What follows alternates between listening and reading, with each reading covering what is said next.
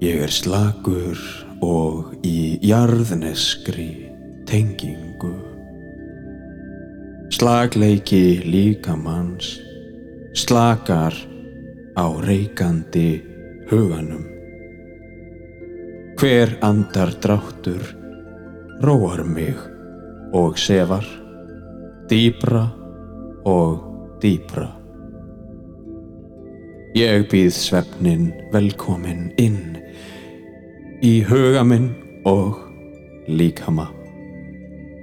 Allt er vel og ég bý við frið og ró.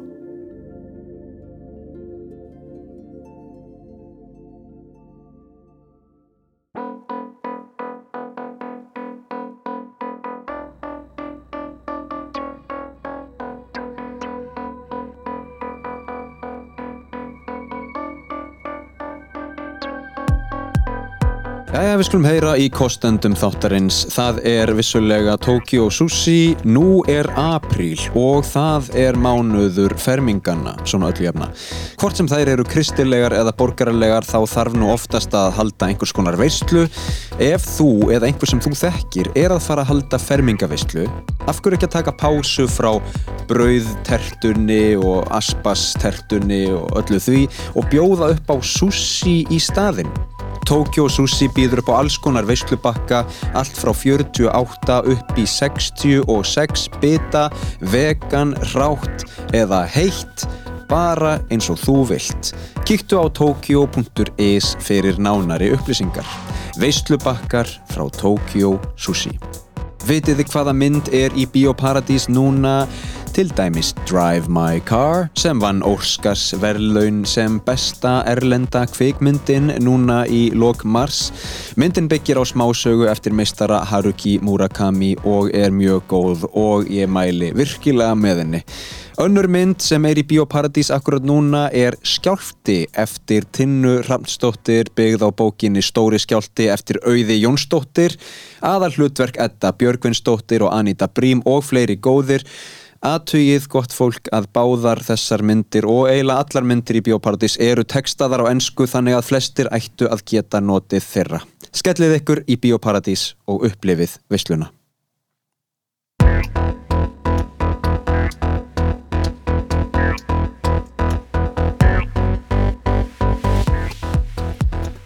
Já Byrjar þetta bara alltaf á spjalli, ert þú með einn með intro? Ert þú tekur þú sjálfur upp eitthvað svona Gæstu þáttarins í dag eitthvað svona þannig? Nei, ekkert eitthvað brjálað sko. Ég tek svona intro sem er svona mismunandi. Ég var með Hákonni Jóhanns, Jóhannesinni Já. síðast. Tókum við lag Ok um, en, en ég tek bara svona smá hérna, Já, byrjaði þátturinn á lægi sem gerir ekki vennilega að þú, ég veit að það er intro á þættinum sem er svona langt Ég skipa Já. stundum sko að því að ég er búinn að hlusta á einu sinni allt í gegn einmitt. Uh, já, þú meina tónlistin?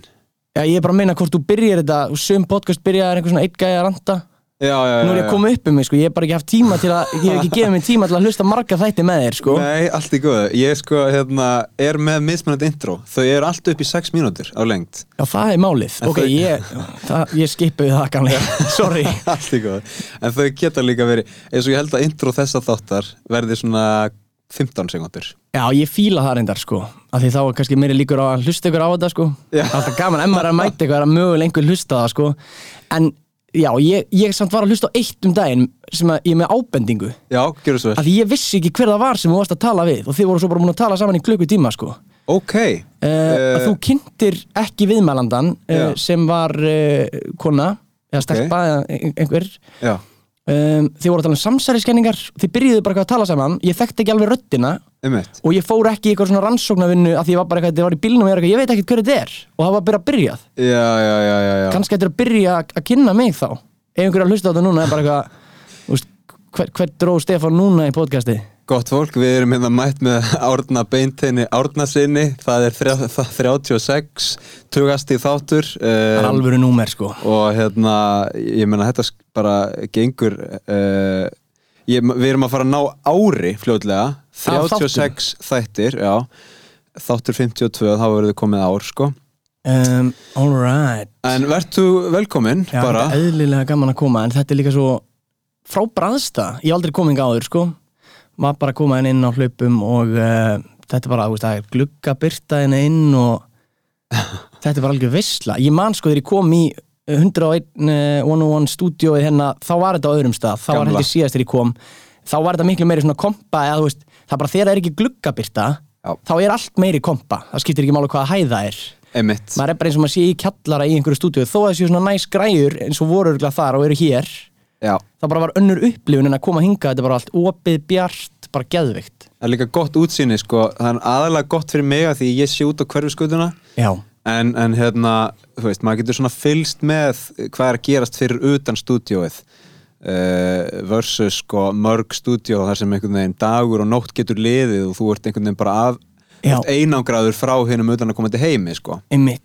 Ég var einmitt, sko, það er líka trillt. Ég var með sko bróðum mínum uh, bara aðstofan á hann. Ég var eiginlega skuttlunum í vinnun hann er nýbyrjar að vinna á, á stöð 2 eða nei, á sín Já. og er að fara, semst uh, er að byrja á FM 957 Einmitt. og þau eru líka með svona geðveikt stúdíó en voru í kompu. Já, og ég var að tala við Egil Plóter sem er bara gammal félagi minn úr grunnskóla. Og hann er náttúrulega búin að vera að vinna þarna og ég meina þú veist það er erfitt fyrir þau í myrkasta skamdeginu að vera með hennar morgun þátt á mótnana það er bara myrkur frá því þau byrja og vakna. Eh, meiri sé að þó þetta sé geggjuð staðsetning, geðveikt útsýni og eitthvað þú veist, yfir myrkustu mánuðina já, þá er bara náttúrulega, veist, þá kláraðu klukkan tíu eða eitthvað hvenær sem morgun þátturinn klárast. Já, já. og það er bara ennþá svartnætti og svo bara svartnætti til já, bara allan daginn. Já, og svo kemur smá gluggi þarna og svo bara, þú veist, að kort er eitthvað þegar sko. vest er sko.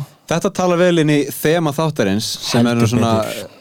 Opið einhverju leiti, eða stórt öllu heldur. Við ætlum að ræða þið svefnin sko. það er svefnin sko Gam, veist, ég bara nefndi þetta því ég er alltaf að tala um þetta. Já, eh, bara áðan í þessum umræðum um með mitt bara skamdegið og eitthvað hvort að þau gerði eitthvað í stúdíónu til að vekja sig upp ef einhver þarf að vera peppaður snemma morguns í mesta myrkrinu Já. þá er það útvarsfólki sem allir eru að hlusta á leiðin í vinnuna sem er með morgunþáttin á bara hvaða stöð sem er. Já, já, já, já, já. og ég sagði bara, eru þið ekki með einhverja dagljóslampa til að vekja ykkur í gang, koma ykkar líkamsklukku í gang? Hann sagði kerti. Þú veist, það gerir vissulega kósi stemmingu en ég segi bara, setja upp ykkur flenni stór svona ljós en líka eftir dagspyrtu bara til að vakna. Flóðlýsingu? Já, kannski svona þægilega flóðlýsingu eins og þessi dagljós eru um, sem að, þú veist, líka eftir dagspyrtu þetta er ekki svona versluna miðstöðar gullljós nei, nei. það er náttúrulega, er gerfiljós einhvern Þetta er veginn. svona hlýra, það dreifir sér betur um rýmið og Já, líkir eftir bara eins og sólar uppbrás eða himninum eða einhverju. Á að vera þægilegt fyrir heilan að þú veist meðtaka, nú er komin dagur. Einmitt. Átt þú svona, svona lampa? heldur betur kallið minn. Við erum að fara að ræða svefnin sko. Sko að því að mín minning að, eða sko mín minning, ég á margar minningar af þér oftar en, ekki, oftar en ekki varstu einhvern veginn ekki sofandi eða þú veist, segja bara á vökunni. Á vökunni, í það, sko. bara að vinna eitthvað verkefni fram á nótt Já, veist, við höfum tekið sko all-nighter, mætt í skólan einhvern veginn, veist, farið að velja próf eftir að hafa verið að sko klippa alla nóttina. Einmitt. Og Eh. bara, ég veist, já, þegar maður er með deadline með einhver svona stór verkefni sem að verða klárast og maður hefur metnað fyrir að gera vel úst, það heldur manni stundum vakandi bara í marga daga. Já. og þú veist, svo krassa maður stundum eftir það ef maður er búin að huga illa að sér samhliða sem fylgir oft ef maður er undir álægi Já, já, um, ég hef alveg farið margar ringi með þetta allt svona, allt svona svefdæmi bara persónulega. Og þetta er búið að gjör breytast örugglega hjá mig bara nokkrum árum. Uh, og það er náttúrulega allt annað að vera bara í mentaskóla eins og þegar við vorum uh, í mesta, þú veist, undir mesta álæginu saman og vorum bara eitthvað vakandi fram á nætur og eitthvað. Og þá var ég alltaf að leggja mig til dæmis já, byrju, í skólanum eða bara svona já, líka bara þegar ég var í leiklistaskólanum eða, þú veist, í leiklistinu BLI þá var ég hérna Já, já, já, þá lagði ég mig alveg oft bara á daginn og þú veist, það var bara rútína mín, bara frá því ég var úlingur, þú veist, ég var hún, að því að maður þarf alltaf að mæta svo snemmi í skólan, þú veist, allir þurfa að gera það, bara eitthvað 8-10 eða eitthvað, sem er galinn tími, sko. Ok, Eh, en þá er maður orðin bara svo þreyttur, sérstaklega maður, ma þegar maður er úlingur, ef maður er ekkert að hugsa um svefn, maður fer bara svo einhver tíman og kannski klukkan þrjú og svo vaknar maður átta og er auðvitað döð þreyttur, þá kemst það upp einhverja svona rútinu hjá mörgum, bara eitthvað svona að leggja sig klukkan þrjú þegar þú klára skólan eða eitthvað, áður en þú ferð svo eitthvað hakk klukkan fimm, þú veist, það er bara eitthvað herranæturæfing eða eitthvað dæmi eða einhver fundur eða eitthvað dót sem þú átt að gera eftir skóla eða bara læra eins og einhverju gera þau, kannski. en eins og einhverjir gerðu, þú varst nú að eðlisfræði eitt braut sko. Já, já, að maður þurfti einhvern veginn að skipta tímanum. Yfirleitt fór það nú einhverja vitleysu. Já. en hérna, það er nú góðum minningarnar. En þetta var sko, eh, þú, þú svona barst þetta nokkuð vel, ég man ekki eftir að hafa séð eitthvað hakkaðan á því upp í sófa í, í í hérna, hvað, fósturstellingunni, sko. Nei, ég veit ekki alveg. Eh, Það eru sterkar taugar. Á meðan við hinir sem vorum einhvern veginn, þú veist, ekkert að vinna vinnuna, þú veist, þú varst að klippa einhver myndbönd fram á nótt og við hinir vorum bara svona með á kantinum Má, það hefur ekkert breyst, ég er ennþá að klippa myndbönd fram á nótt sko. með einhver, einhver svona, einhver goons Eh. on the side sem er einhvern veginn ekki að gera mikið.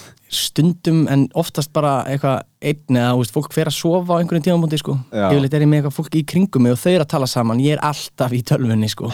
Ég held bara fólk er að fara að tala með mitt, ég er bara sest við hotnið á einhverju borði, Já. sit þar, er að klára eitthvað stús og fólk er bara að tala saman á meðan svo svona kem ég kannski á kortersfresti og segja eitthvað, já, hvað segi, ég?" ef ég heyri svona út undan mér að það er eitthvað sem ég langar að vera með í sko, get eðlilega leiðilegu náungi sko bara hvað Já. Já, en veist, það er einstaka sinni sem ég gef mig tíma alltaf bara að hlusta og vera til staðar sko. eins og núna er ég spilað það þig Já, en, en ok, þá þarf þá að vera svona einhverju leiti meðvituð ákvörðun um að kúpla þið frá uh, hinnu daglega amstri eða vinnunni, Já, já, og, ég bara- gerir þetta alveg svona markvist einu sinni viku, tek bara úst, tvo tíma eða eitthvað og bara er en ég er búin að forgangsraða öðruvísi með svefnin. Mhm. þá, þú veist, af því því að það er toppikið okkar. Uh, núna er ég bara, tek ég ekki lúra. Ég vakna bara snemma og fer að sofa ekkert allt og seint nema að sé bara eitthvað sem veist, heldum, ég þurfa að skila einhverju Mhm. sem er því miður of oft en alltaf ef ég get þá reynir ég bara ná samfelldum góðum nætusöfni Einmitt. ég held þetta hafi breyst þegar ég eignaðist barn fyrir tveimur árum Mhm. þá bara byrjaði ég að veist fá meiri áhuga á svona sveptóti og ég held að það gerist hjá mjög mörgum sem verða foreldrar uh, svona sérstaklega, það ítiði mig yfir einhverja svona brún og ítiði mig einhvern svona áhuga á einhverju sem ég pældi aldrei áður þannig að núna held ég svona ómeðvitað er ég bara alltaf að spá í svefninu mínum Einmitt. sem getur líka leitt til skilur ég get kannski sagt eitthvað um svefn sem að fólk sem er ekki að pæli í Já. uh, hvort sem á börnið ekki, þú veist, skiptir örugglega ekki öllu máli og, og hérna uh, þú veist, getur tengt við eða er búið að spá í eða ekki búið að spá í. Það er svolítið fyndið að sko, þú hefur byrjað að einhvern veginn uh, pæla í svefninum og, og jafnvel svona reyna að ná betri svefni þegar þú eignast barn af því það er oft öfugt sko. Já, þá að fattar maður fyrst hvað þetta er verðmætt. Einmitt. mm, og hvað bara, þú veist, hver klukkutími í svefni getur verið verðmætur og ég hugsaði svona ómeðvitað á hverjum degi þá hugsaði ég ómeðvitað um sko, þú veist, maður væri ruglega í miklu meira ruggli með allar hugsanir, bara tilfinningar uh, allt álag ef maður passaði ekki svefnin en ég reyna að passa hann alltaf og það kannski heldur manni á brúninni hann að maður fari ekki yfir hana Já, einmitt. uh, ég veit ekki, skilur ma maður væri helt tæpur og maður myndi líka sofa ekkert eða eitthvað og þegar ég heyra já. fólk sem myndi að taka bara eitthvað svona keira sig áfram á þryggja tíma svefni þá er ég eitthvað svona já, það, veist, ég skil akkur það getur endað illa. Þú veist, koma tímabili á mér sem er að keira á mjög miklu álægi en ég verði þá allavega að reyna að passa eitthvað á móti þetta eru svona blúsar og mínusar Mhm. ég reyna kassin svefni þegar ég get og ég bara hugsa, þá á ég það inni ef ég þarf að vaka einhverja andökunótt að ég er allavega búin að sofa þrjára nætur en átta tíma solid þrísar í röð, þá get ég kyrt mig út hérna, sofið þrjá tíma þessa nótt þó það sé ekki ákjósanlegt svo ætla ég að sofa út um helgina því ég er bara ég meit dagar sem ég þarf ekki að gera neitt fyrir hátegi, ég ætla bara að njóta þess tek bara, veist, ég get alveg tekið 12 tíma svefn á til skiluru þá er ég bara líka að vinna upp og eiga inni einmitt. Já, já, algjörlega. En svo er þetta náttúrulega bara veist. algjörlega og hver finnur sitt munstur Mhm. ég, ég, ég er ekki með mikið þól þú veist, ég, ég bara man ekki til þess að ég hafi tekið uh, eitthvað svona vöku nótt sko uh, vísvitandi, veist, ekki einu sinni þegar ég var í háskóla og var að læra fyrir eitthvað próf. Ég, þá fórstu bara að sofa. Ég fó bara að sofa og, og hérna er endar það skipulaður sko að ég einhvern veginn þurfti aldrei að að vera eitthvað að taka heila nótt fyrir próf þú varst bara búin að vera að búa þig smám saman undir. Já, Já. og þétt sko en líka bara það það, eru óþólandi það, ég tengi ekkert við það. Ég er alltaf bara svona last minute þegar við þurfum að vaka allar nótt við þurfum að byrja frá grunni. Klukkan er orðin hálf þrjú um nótt og við þurfum að byrja hérna sko. Já, en, en mér líður eins og það sé ekki skipulags leysi á þér. Frekar bara það sko var ekki tími. Það- þanga til hálf þrjú og nú er ég byrjað á þessi missjóni já, það, er bara, þú veist, það er bara svo mikið annað að gera. Þú, það, ég, ég, meina, ég eitthvað skilur á bumbun upp í sófa að horfa eitthvað YouTube-drasl, sko. Það var aldrei gest það er aldrei gert það er bara það er bara alltaf einhver, einhver vinna. Um, Já, þetta er bara svona skemmtileg verkefni. Þetta er náttúrulega vítaringur sko. Maður er á hamstrahjóli með skemmtileg verkefni út um allt og þetta er allt gaman en þú veist, svo er maður bara eitthvað hlaup úr einu annað. Allstaðar skilur við bara eitthvað eina ég kortur og setið þína því ég var kortur og setna áðan einhvern sem ég átt að mæta og verð kortur og setna á eftir skilur við um, en já, vissulega þetta maður kemur sér í þessar aðstæður sjálfur og en er þetta, þú veist, er þetta já-mennskan? Er þetta, skilur að segja já við öllu eða, ekki Já, þetta er líka þegar ég finnst allt sem þú gerir svona skemmtilegt held ég sko. Það er blessun og bölvun. Já, já, um, og náttúrulega misskemmtilegt og stundum er maður að gera eitthvað sem maður veit að verður skemmtilegt eða að koma tímabil. Mhm. það er mikið af þannig, mér finnst það líka bara eins og í leikúsvinnunni og eitthvað, menna, það, er, það eru tímabil í leiklistinni sem maður, úst, eða einhver tímapunktur í æfingaferlum sem eru ekki jafn skemmtilegir og að vera komin í eitthvað sýningageim en þú veist hvaða verður gaman já, já. uh, eins ef ég er að, stúsast í einhvers konar vídeogerði eða eitthvað, menna þá veit ég að það er kannski einhver hluti af ferlinu sem mér finnst ekki jafn skemmtilegur en svo er, kemst ég á þann stað eða, eða sé final útgáfuna sem gerir allt þess virði Ég tengi þetta þegar kemur að sko alls konar myndbandsgerð um, og þú veist, það er oft mjög gaman oft í tökum Já, veist. mjög gaman. Og svo kannski, og, og svo getur verið mjög gaman að að klippa og setja eitthvað saman sko. Það er kannski miskaman eftir því hvað það er en þú ert kannski að gera eitt vídeo til að gera eitthvað annað skemmtilegra setna já, Til en. Já, en svo fæ ég alltaf sko þegar, þegar afraksturinn kemur í rennir í hlað sko, þú veist, þegar maður þá færði svona the bliss Já, bara þú veist, að, að sína fólki það er svo gaman að sína fólki þú veist, ég tala nú ekki um afrakstur sko verkefni sem var kannski eitt ár eða, eða leng, lengur í framkvæmt sko. Já, þetta er ósýnileg vinna að mörguleiti, eða svona vídeovinna er það sko. Mikið sko. Um, svo bara allt í einu eitthvað sko. Uh, sko, ég, ég heyrði einu svona sög um þig. Ok, hvað að lega sögum mikið logið um mig. Já. ok, sko, þú einhvern veginn þú varst farin að outsourca ritgerðarsmíðum í listaháskólanum mm. því að þú varst svo upptökin að klippa einhver myndbönd þannig að þú bara já, já, já borgaðir samneymundum fyrir einhverjar ætla ég að neyta þessu veistu hvað komið svona sko ferskar pælingar út, út úr einhverjum svona dæmum uh -huh. uh, svo því sem haldið til að haga þá erum við ekki að tala um einhverja svona lokaritgerir þær gerði ég sjálfur sko. við erum að tala um einhver svona í miðri viku einhver svona míní verkefnaskil sko, einhverja míní svona pælingaritgerir sko. já, já uh, ég hef aldrei eitthvað svona svindlað á einhverju svona stóru dæmi það ger ég allt sjálfur sko. en þegar ég átt að vera mann eftir einu dæmi þegar við vorum einhvern tímann í uh, leiklistaferðið að heimsækja konunglega leiklistaskólinn í Danmörku og uh, ég var bara eitthvað, þú veist, átt eftir að klára svo mikið og ég þurfti að vera með einhverja ferska pælingu en svo hafði ég ekkert einu svona tíma til að kíkja neitt á það og ég satt með einhverjum þýskum leikstjórnanema daginn eftir og hann bara, já, áhugaverða pælingar sem út með hann, getur þú sagt mér aðeins frá þessu? On the spot, Já. bara einhver, þú veist þetta er alvarlegt nám og þetta var bara alvarlegar aðstæður og ég sitt bara með eitthvað og ég er bara að horfa á það í fyrsta skipti og er bara eitthvað, já, ymmit, sko, það sem mér fannst áhugaverðast í þetta þetta er bara hluta leiklist, þetta er bara spunnið þú spinnur bara eitthvað upp og hann er bara eitthvað, já. Svo endar það með að ég sitt upp með mig að þurfa að gera eitthvað heilt verkefni út frá þessu. Það er einhver pæling sem mér hefði ekki dottið í hugana úr einhverju svona kaotískum aðstæðum sem voru tímabundar þarna þá þurfti ég svo endanum að bakka upp vinnuna Já, og já. gera eitthvað verkefni sem hefði ekki orðið til ef að Þannig að næstu því fýtaði einhver hugmynd frá öðrum mig í að skapa svo mitt eigið dæmi sjálfur. Þannig að þetta var eiginlega svona láni í óláni sko, en maður hefur nýtt allar leiðir til að svona leta undir á álagstímum sko. Já, ég meina ég er mikill aðdáðandi þess að útvista hlutunum, þú veist einmitt líka ú- út af þessu að fá inn uh, svona önnur sjónarhorn og, og, og hérna ferskar hugmyndir, sko Já, um, af því að aðrir gera hlutina öðruvís en maður sjálfur, bara eðlilega. Já. Og ef maður er oft bara eitthvað svona sjálfur, ég myndi að outsourca nákvæmlega svo þú segir, þá þú veist, kemur eitthvað ferst út úr því og svo getur maður jafnvel tekið snúning á því sjálfur Já. það er búið að spara manni tíma og útkoman verður einhvern veginn skemmtilega því þetta er samvinna eða þú veist, verður það næstu jafnvel þú sért búin að taka eitthvað að þér einn hefur ekki tíma, fara einhvern annan til að létt undir með þér og það gefur bara eitthvað svona næst teika á það. Algjörlega.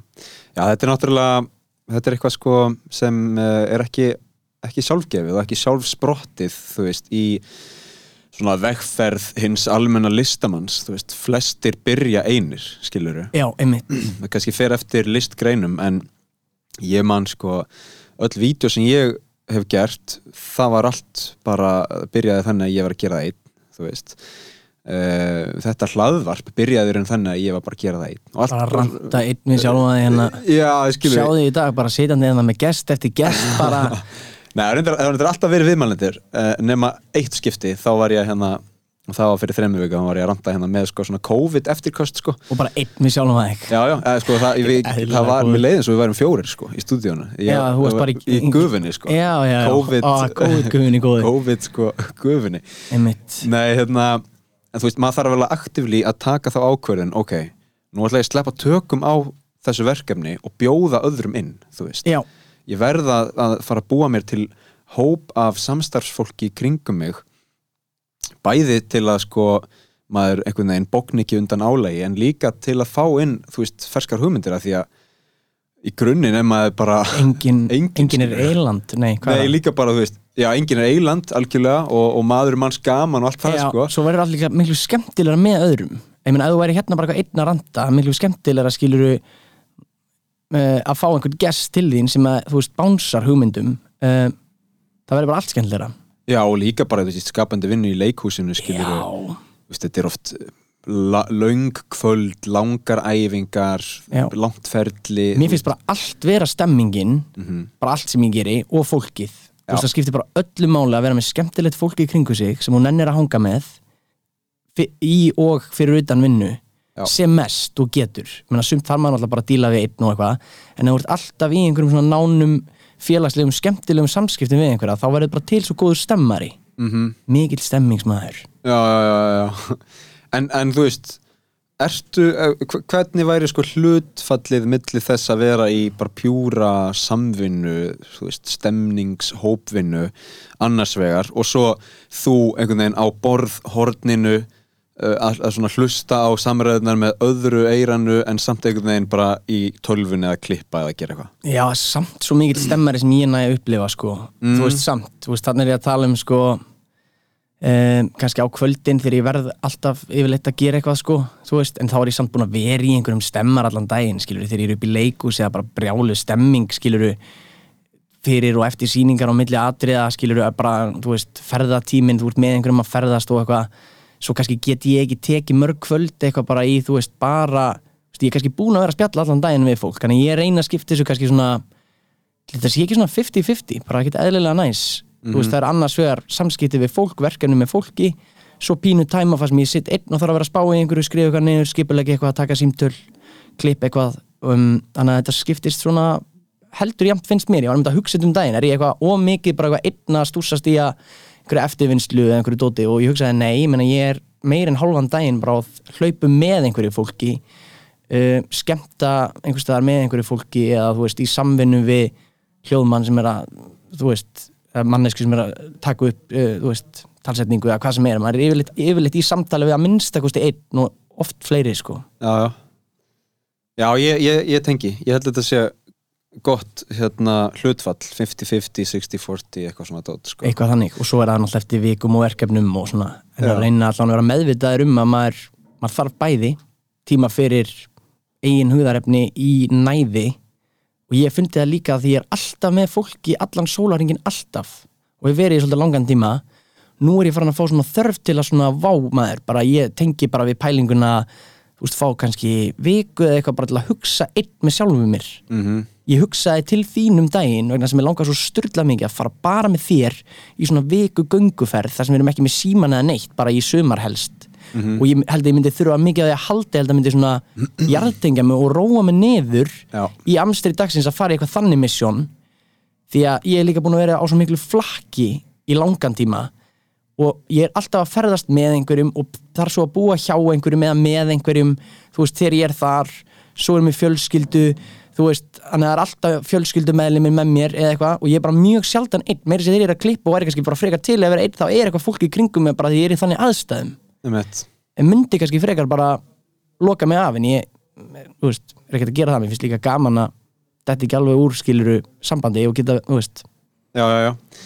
Sko, svo við hérna tökum nú þína ábendingu gilda og, og kynnum þið til leiks. Það er ekki setna vætna, er ekki búin að spjalla það í 20 mínútur? Jó, og, og hérna ég var búin að kynna þið með nafnið sko en, en, en þú talar um flakkið. Þú ert náttúrulega double bass maður Já, ég er búin að vera það í svolítinn tíma. Mm Það vatt bara upp á sig. Ég held sko ég væri bara að fara í mission fyrir tveimur og hálfu ári. Þá var ég á leiðin í mission uh, uh, að leika sérst, í leiksýningu var ráðin uh, til leikfélags Akureyrar bara í eitt verkefni. Það voru bara einhverja rex mánuðir nú eru tvö og hálft ár síðan það var og ég er bara ennþá á Akureyri að fara non-stop á milli ég áruglega Íslandsmitið á þessum tíma ég fara á milli Akureyrar og, og Reykjavíkur -hmm. uh, fyrir mér er það núna áður fyrr og ég skilda, fólki fannst og mér fannst vera mission að fara til Akureyrar bara næstu eins og að fara til útlanda. Ég mann þegar mig langaði að sjá leiksýningu sem Hákon vinnum minn var einmitt að leiki í þá þurfti ég bara að skipleika eins og að veri utanlandsferð, ég var bara hvenar á ég að fara norður að sjá þetta leikrit? Núna fer ég norður bara á skiluru bara tvekja þetta að fresti, bara fram og tilbaka bara, ég keiri bara yfir nótt eða þar þess bara, eða flýga eða skýst eða bara þú veist, Ok, þetta er bara eins og að fara út í sjoppu fyrir mig að fara norður sko. En byrju, hvað hva keirir oft og hvað flýgur oft? ég er allavega núna að mismönda eftir tímabilum núna er síningatímabil í gangi sem þýðir ég er alltaf á Akureyri um helgar. Já, og það þýðir ég farin, sko stundum eru síningar á 50 dugum en það er í það minnst alltaf á föstu dugum þannig ég er, þú veist, ég farin á föstu degi, kem aftur á sunnudegi. Er svona basic núna nema þessi 50 dagsýning þá er ég farin á 50 degi og kem á sunnudegi. Var þetta kyrsla? Eða uh, ég skipti, ætla ég sé ekki svona held frekar jafnt, þú veist að ef ég ef tök á því að keira þá ger ég það, mér finnst það mjög þægilegt, þá er ég líka með bílið minn á Akureyri. Já. Og get bara farið allar að minna að ferða þó allt sé stutt á Akureyri þá bara sparar það manni stundum tíma ef maður er með eitthvað dót og drasli ég er ofta að ferja græjur í leiðinni nýta tíman í einhver svona mission meðan ég er á Akureyri. Þegar ég er að býða eftir sýningum þá nýti ég tíman oft, þú veist, fyrir um daginn eða bara sýning á laugardagskvöldu og hef ég laugadaginn og kannski einhverjum tökum með eitthvað. Um, þannig að um, já, þá, þá er þægilegt að vera á bíla því ég get ekki verið að drösla einhverjum búna alltaf í vél en það er svona 50-50 oft er mjög þægilegt að geta skotist á já. en það er dýrt náttúrulega telur, þú veist, innanlandsflug er náttúrulega fáranlega dýrt, það er bara dýrar en að fljúa til útlanda sko. Mhm. og það er ekki samningar sem er mjög þægilegir. Leikarar á Akureyri fá álag sagt, veist, fyrir uh, að þeir búi ekki á Akureyri. Þeir fá launa álag ofan á hefbundir mánaðalaun sko, sem að hjálpa til við ferðarkostna og búsetukostna þar en þú veist, það myndi ekki cover ef ég væri bara non-stop að kaupa flug. Nei, nei. þá er það fljóta að eh, telja sko. Þannig að þú veist, maður blandar í saman svona eins og bara meika sense eiginlega hverjum tíma sko. Já, já. Já, ég er með telt og verið að fljúa svolítið mikið sko, en það er kannski bara að því það hefur líka komið tímabila sem ég hef flóið mjög mikið. Akkurat núna er ég oftar að keira út af þægindum bara ef ég mögulega geta. Þá finnst mér ekkert eðlilega róandi líka bara að taka fjóra tíma anda Já, og keira já. Sérstaklega þegar ferðin er orðið næs eins og hún er fyrst að vera núna mínus hretið sem kemur alltaf í april Mhm. það var alveg fyrsta helgi núna. Ég kerði fram og tilbaka sérst núna síðustu sýningahelgi og ég hugsaði bara, vá, þetta er svo róleg stund sem ég er að eiga inn í bílnum. Það hefur verið kannski, og ef ég hef kyrt einn sem er reyndar sjaldan, þá voru það kannski svona einu gæðastundin það sem ég er einn með sjálfum mér. Já, þá hef ég, það var hérna, þegar ég hlustaði mitt á, á podcastið þitt. Það segi ég ekki ekki gefið mig tíma, en það er svo næst þegar maður er að keira. Já. Nei, ég, já, ég, ég tengi við það líka sko. um, En þú veist ég meina þú ert í uh, mjög mörgu sko fyrir norðan en svo ertu líka í mjög mörgu fyrir sunnan og mér varst þetta mjög skemmtilega að þú sagðir sko, ég spurði Herru gamli, ertu í bænum? já, bærin er nefnilega Akureyri og borgin er Reykjavík sko. Hvað meinar þú bænum? Ég er í, bo ég er í borginni, sko já, en já, svo náttúrulega veit aldrei neitt hvað er að frétta hjá neinum öðrum af því allir er náttúrulega bara í sinni búblu Já, já Þannig að mér fannst þér eitthvað svona, ha, hvað meinar ég í bænum? Nei, það er, það er helgi, Stefán, ég er, ég er á Akureyri, það er helgi, eitthvað, ég, en auðvitað er ég í Reykjavík á virkundugum. Hákon var líka að spyrja mig í síðustu viku, ég var eitthvað, ertu eitthvað í Reykjavík þessa dagana? Meinar, ég er alltaf í Reykjavík þegar ég get verið í Reykjavík. uh, hérna, það er bara svoleiðis. Uh, Býtu aðeins, ég ætla, hana, hæ, hæ, eru ég er í smá podcasti, má ég ringi þið á eftir? Ekkert mál. Ok. Uh, já, afsakið þetta. Góðu. þetta var ekki símdæli sem að ég var að, tala um áðan sko. þá, þá hefði við slögt á, á vélunum sko. Já, já, treppið það verður náttúrulega ekki mynd Nei, nei, Nei. þið hafðu tekið innstungur á sambandið, sko um, Nei, nei, ég meina, þú veist, það er talsetning, það eru hljóðbækur, það er sko, mm, það er náttúrulega leikhúsið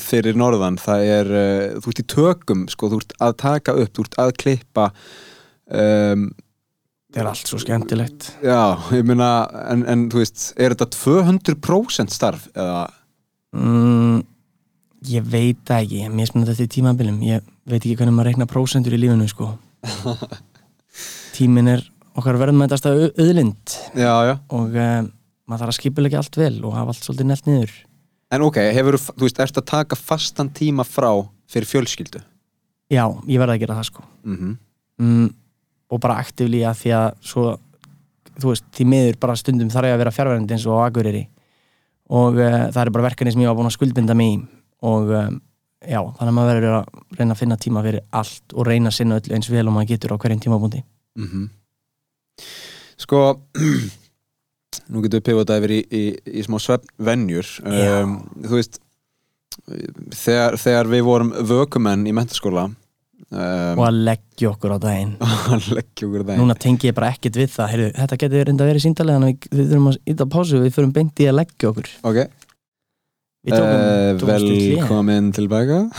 Velkomin tilbaka gott fólk. Við tókum stutt hlé við Stefán þurftum aðeins að recapa hann var að segja mér allt um verkefni sitt gerfi grind fyrirlestur um gerfi það heitir ennþá það eða ekki? Fyrirlestur um gerfigrænd, jú. Já, að ég sá það uh, í hérna þegar það var einstaklingslokaverkefni svo fórst að þróa það og varst að segja mér um það sko. Mm Við erum að fara í grunnskóla í Reykjavík í lok apríl og, og hérna, erum búin að vera að sína þetta í tómaríminu. Eru ennþá sýningar í tómaríminu? Ég náttúrulega veit ekki hvernig þetta podcast verður byrt ég sé alltaf podcast það svona.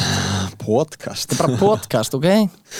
Nei, sko, ég er núna í smá svona pásu uh, að sinna öðrum verkefnum og svo kerum við þetta aftur í gang í lok páska frísins og, og hérna þetta verður örgulega aftur í opinni almennri síningu í lok apríl. En er þá, uh, bara þá maður sem með á Tix eða eitthvað? Já, eða bara við ingang, tómaríminu ok, Þetta ok. verður auglist á Facebook og svona eitthvað dótt hvað er þetta inn á þetta Stefán? Herðu, þetta er sko, þetta er nýtt fyrirkomulag. Það er sko 1500 króna grunn uh, svona viðmið. Máttu svo svo, borga það sem þú vill Já, er sko, eftir á eða fyrirfram? Nei, þú mætir sko. Já, já, þú, þú bara mætir fyrir framann posan og ákveður á það er alltaf mælt með að, að fara sko uh, taka sko veldisvöxt frá 1500 krónum og fara bara jafnvel svolítið langt upp sko. Já, er það Þú ekki en það má líka fara niður þú veist. sem máttu borga minni en 500 kall já, þú mátt borga 100 krónur. Það, það var einn sem borgaði 100 krónur, það er allir leið það er bara fair enough. Það er bara ekki, þú borgar bara það sem þú, þú vilt borga. Ok. ef þú getur ekki borga neitt, þá er það líka leið Mér finnst það geggjum pæling? Já, það verður engum meinaður aðgangur um, að því ég meina stundum er bara hart í ári eða eitthvað skilur bara stutt í mánaðamóti eða eitthvað og, og eitthvað, en svo líka bara líka kannski vel á og maður á auka benning og maður bara eitthvað, já ég og borga fyrirfram sko.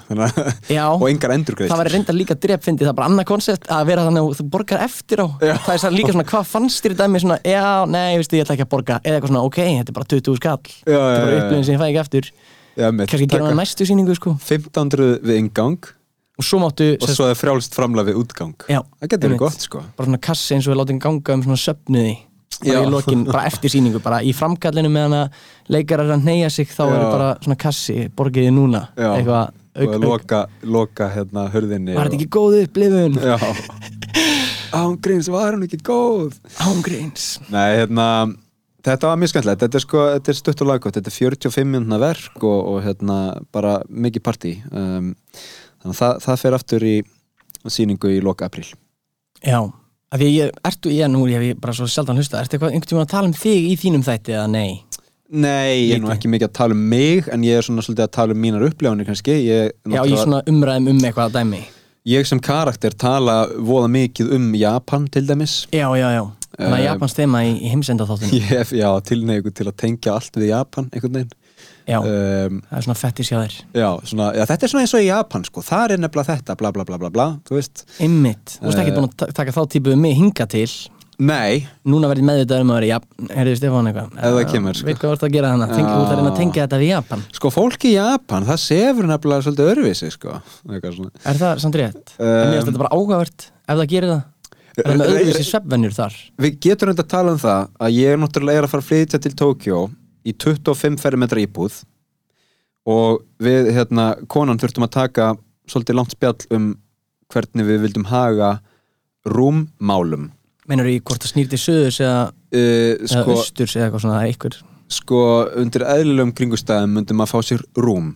Já, en rúm getur verið stórt og ill meðfærilegt einhvern veginn eða mjög lítið að bara, veist, já, það eru endalisi möguleikar þar sko. Já, ég vildi fara í svo kallað futon sem er bara svona dýna.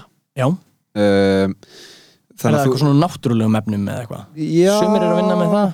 Já, þú veist ég þekki það svo sem ekki en hún er Nei. svona þú veist, hún er ekki, þetta er ekki gormadína skilur hún Nei. er svona frekar uh, svona hörð eða þétt þú veist. Finnst þér þú sofa vel á sérst harðara mér finnst, já, mjög næst að sofa fútón sérstaklega því að það er á gólfinu. Það Ah, er ekki á engin- fótum. Já, ok, svo, svo rúlar því bara upp og setur henni í skáp.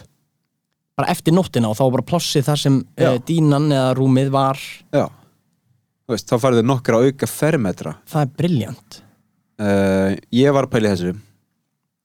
En hérna hvernig, hvar, hver var lendingin eftir langt spjallu í konuna? Bara, bara millivegurinn sko. Ekki fútón en ekki eða, veist, ekki rúm á fótum heldur bara þannig að eitthvað sem er svona að brjóta saman já, samt, svona þr, þrí þrýbrota dýna. Ok, já ég skil hvað þú meinar að því ég hef séð þannig sko það konsept sem svona útilegu dínur Já. svona aðeins þykkari dínur sem er að Já. brjóta í þrend og verður svona eins og kassi.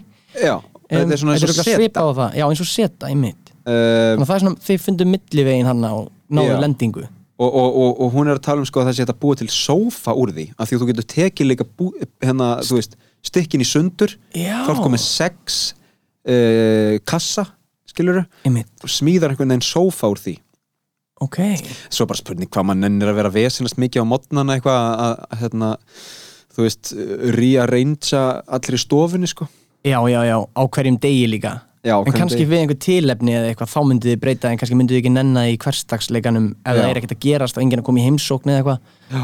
en þetta er svona á japanskum svona uh, hefðbundnum hótelum. Veist Þa, Um, já, þá er bara, þá er þetta, svona, þessi, þetta þrýbrot í gangi. Nei þá ertu bara með svona uh, svona stóra tatami uh, stóran tatami golfdúk sem er svona uh, ofið efni uh, upprunlega úr stráum sko. Mm og svo er bara skápur. Og svo bara, að ég hef ekki að fara að sofa. Þá bara tekur út dýnur úr skápnum og hérna sængur og kotta og græjar alla fyrir kvöldið. Þetta er gríðalega hagkvæmt. Já, þetta Já, er það sko. snild, að því maður er að- í raunin að taka alltaf, maður gerir ráð fyrir söfnebergi sem eitthvað stórt herbyggi með einhverju stóru rúmi. Mm í raunin er þetta miklu meira efficient, hvað sem er skilvirt ferli, skilur, eh, plássnýting að nýta algjörlega. þetta pláss fyrir eitthvað annað en rúmið nema þú sért bara eitthvað svín sem leggur þig alla daga. Og það þarf að draga það aftur fram að kannski við sem fyrir þig. Ah. uh, Ert þú eitthvað að vinna með að leggja þig? Nei, sko. Núna sko, eða veist nei, það- bara alls ekki. Ég man eftir því að síðast lagði ég mig í sko bestu ferð lífsmíns sem var, við fórum hérna ég, amma og afi í ættar óðælu okkar í tálknafyrði mm, og þetta var sko löng helgarferð.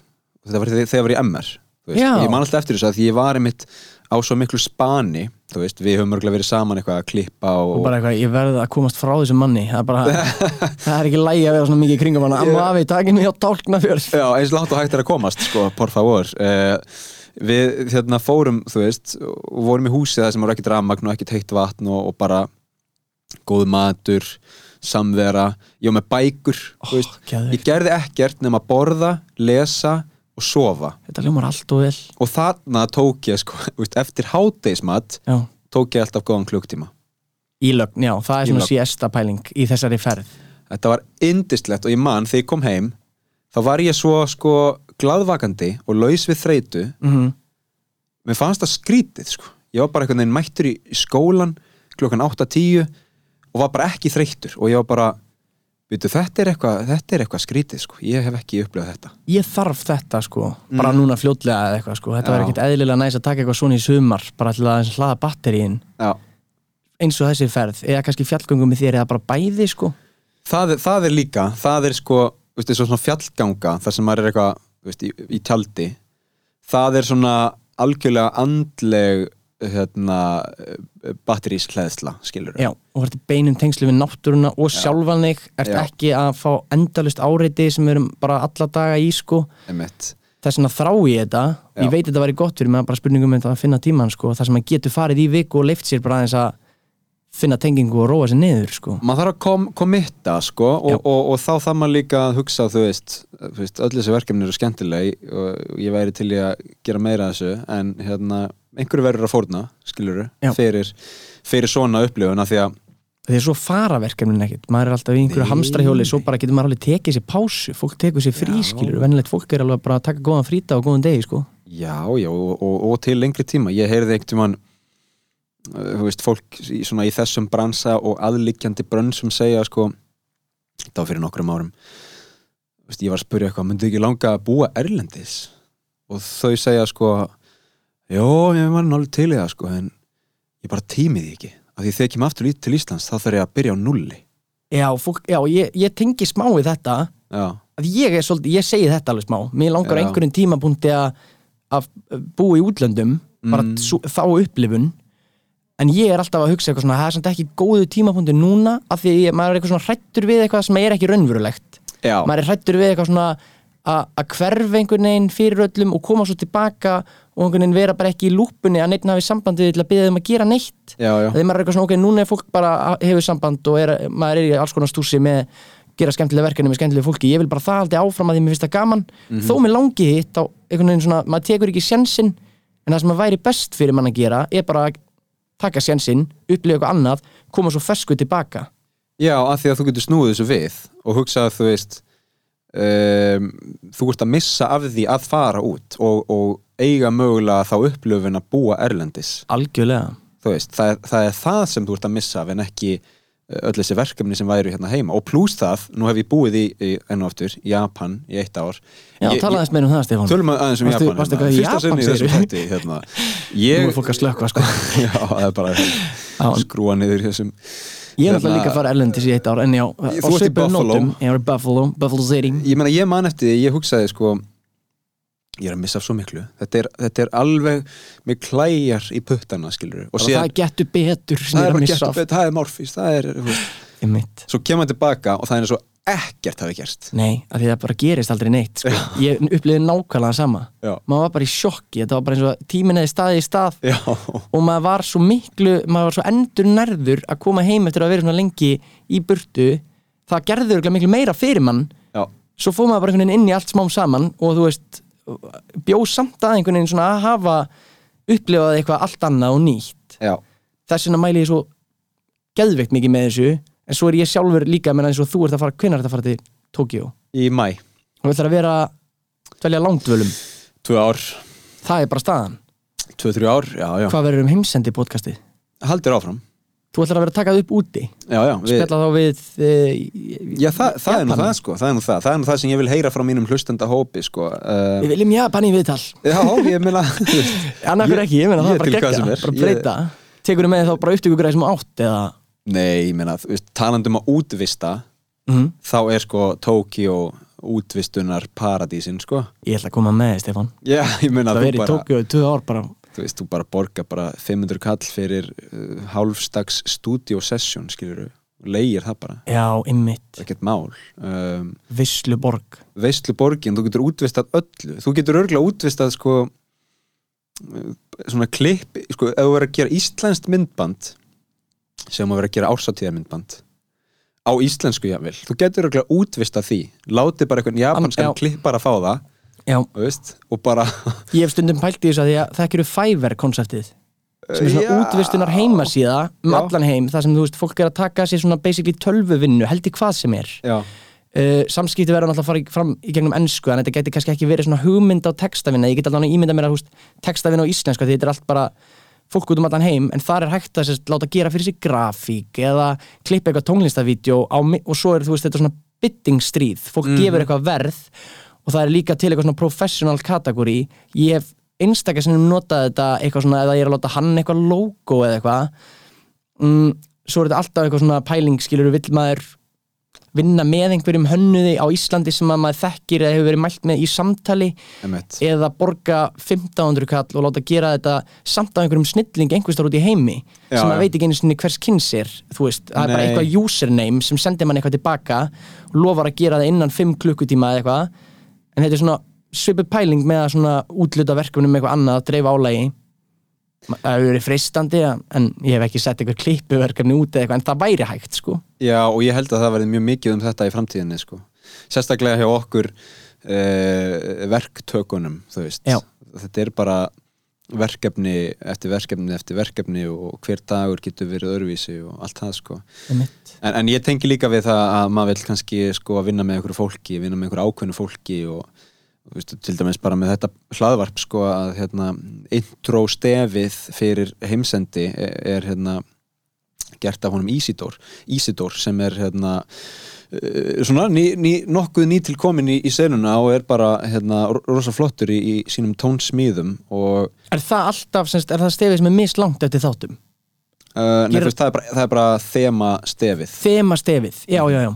Um, og hann, og hann gerði líka hérna, stefið fyrir framtíðina sem er, er á hérna, Rása 1 núna og við skulum kannski ekki tala mjög mikið um það það við erum að- að að gera? Já, Er hann farin í loftið? hann fór í loftið í síðustu viku það var þá, eh, já, lok mars sem hann fór í loftið. Ég stilla á ráseitt næstir er að kera norður, sko. Er Þú er að gera það, að því nú verður hann tvisar í viku á miðugdöfum og, og hérna fimmtudöfum sem er skemmtileg staðarenda því þá er ég í útvarpinu þriðuda, miðugda og fimmtuda Er þessi þáttur í útvarpinu? Já, Bara á að bylgjulengt? bylgjulengt, Ég hildi vera bara í podcast. Bæði Ah, ok, þetta er líka útastáttur Það er einhverju kannski bílnir sem núna bara heyri þetta bara eitthvað, það, Þessi maður er í útvarpinu? Já, Já, og ok. veit ekki einu svona að því. Þú er, þú er að vara mig við það en ég komi en kannski vanda orðaforðan Já, Ég er í útvarp allra landsmána já. Þetta er hvað, hérna FM hvað? Eh, 94,1 Já, ég Eh, veit aldrei neitt, eina sem ég man alltaf er FM 957 þannig að þegar allar útastöðanar detta út í bílnum mínum þá er ég alltaf bara eitthvað, uh, hvað er aftur bylgjan, man ekki, það er bara því að heiti bylgjan og ég tengi það ekki við númer.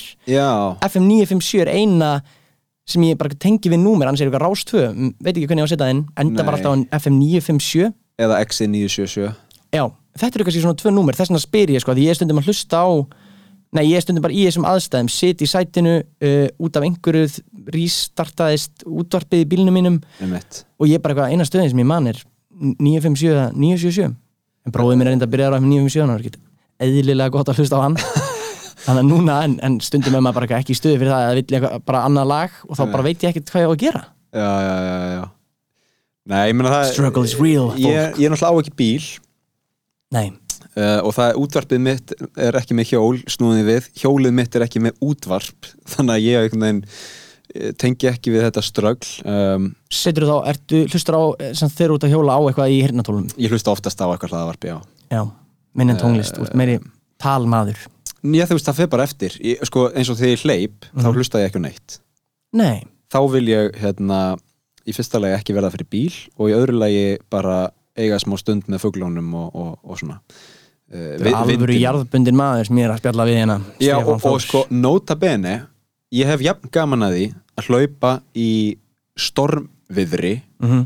eins og í sólviðri þú veist, Já, ég, ég man ekkert mann sko, svo við förum að því að allt er þegar þrennt er, svo við förum í þriðja sinn til Japan, þá var ekkert mann hérna að hlaupa í því sem heitir Tsuyu, sem er svona regntímabilið. Við erum stöðið í Japan Það er ekki tímabili, Stefán er út að hlaupa. Já. bara svona setja því að þetta er í útvarpinu fólk er að hlusta á þetta, það verður að sjá það fyrir sér. Og sko þrumur og eldingar Ah. og sko svakaleg hitabeltis rigning, þú veist.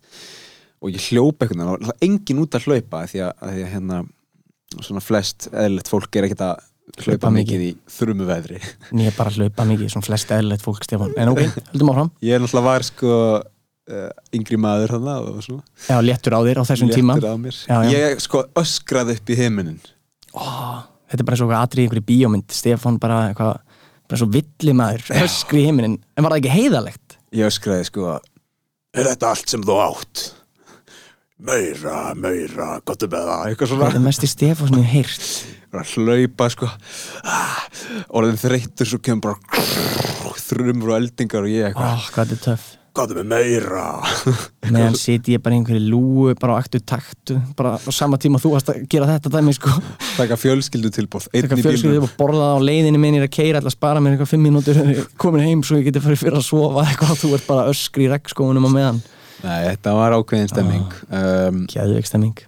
En, en sko um, já, hérna Við erum nú, við erum búin að afvegalega snokkur sinnum, alltaf búin að reyna að tala um svepp sko, sem var topic í okkar við ekki minnst einu orð svepp og ef Eh. þátturinn heitir eitthvað svona svepp nú einhver svona, fólk sem ætlar að kynna sér svepp byrjar að hlusta á hana þá, þá er það löngu að hætta að hlusta sko.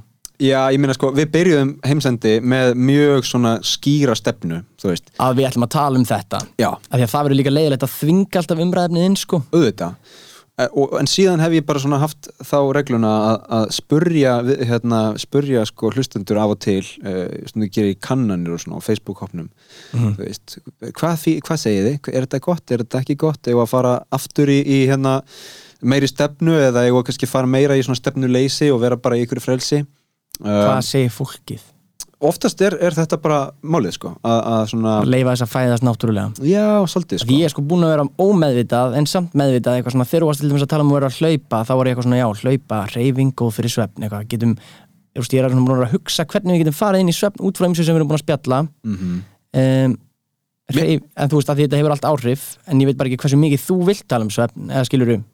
Mér, mér finnst þetta samt svolítið, svolítið góð, uh, góður uh, jafnvægis punktur að vera með umræðu efnið uh, einhvern veginn í, í hnakkanum sko. Já, þannig að sama hvað við erum að ræða þá er maður svona eitthvað svona, já það, það, er tenging hér það er Já. tenging hér, en ég ætla samt ekki að fara að núna því að við getum haldið áfram að spjalla um eitthvað annað Já. en svo ferði eitthvað, ok, ég meina reyfing er góð fyrir svefn það vita það náttúrulega kannski flestir Tölum við það. Sko, um, hreyfing er góð fyrir svefn.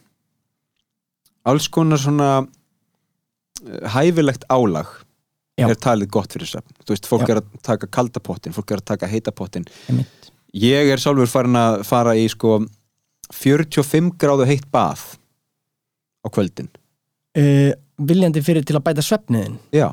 Og uh, 45 gráð bað uh, nú er ég ekki neinum tengsluður unnverulegan er það heitt bað eða kall? Það er svolítið mikið heitt sko. Ég veit sko sjóðandi vatn er 100 gráður. Hvað er, ég fyrir alltaf í heitasta pottin hvað er hann heitur, svona hvað 40 eða svona 42 til 4 þú ert alveg að fara í vel heitt bað á kvöldin fyrir svefnin Já og þetta er hérna uh, þetta er til dæmis bara mjög basic í Japan. Það er svona 44 til 6 gráður uh, eðlilegt.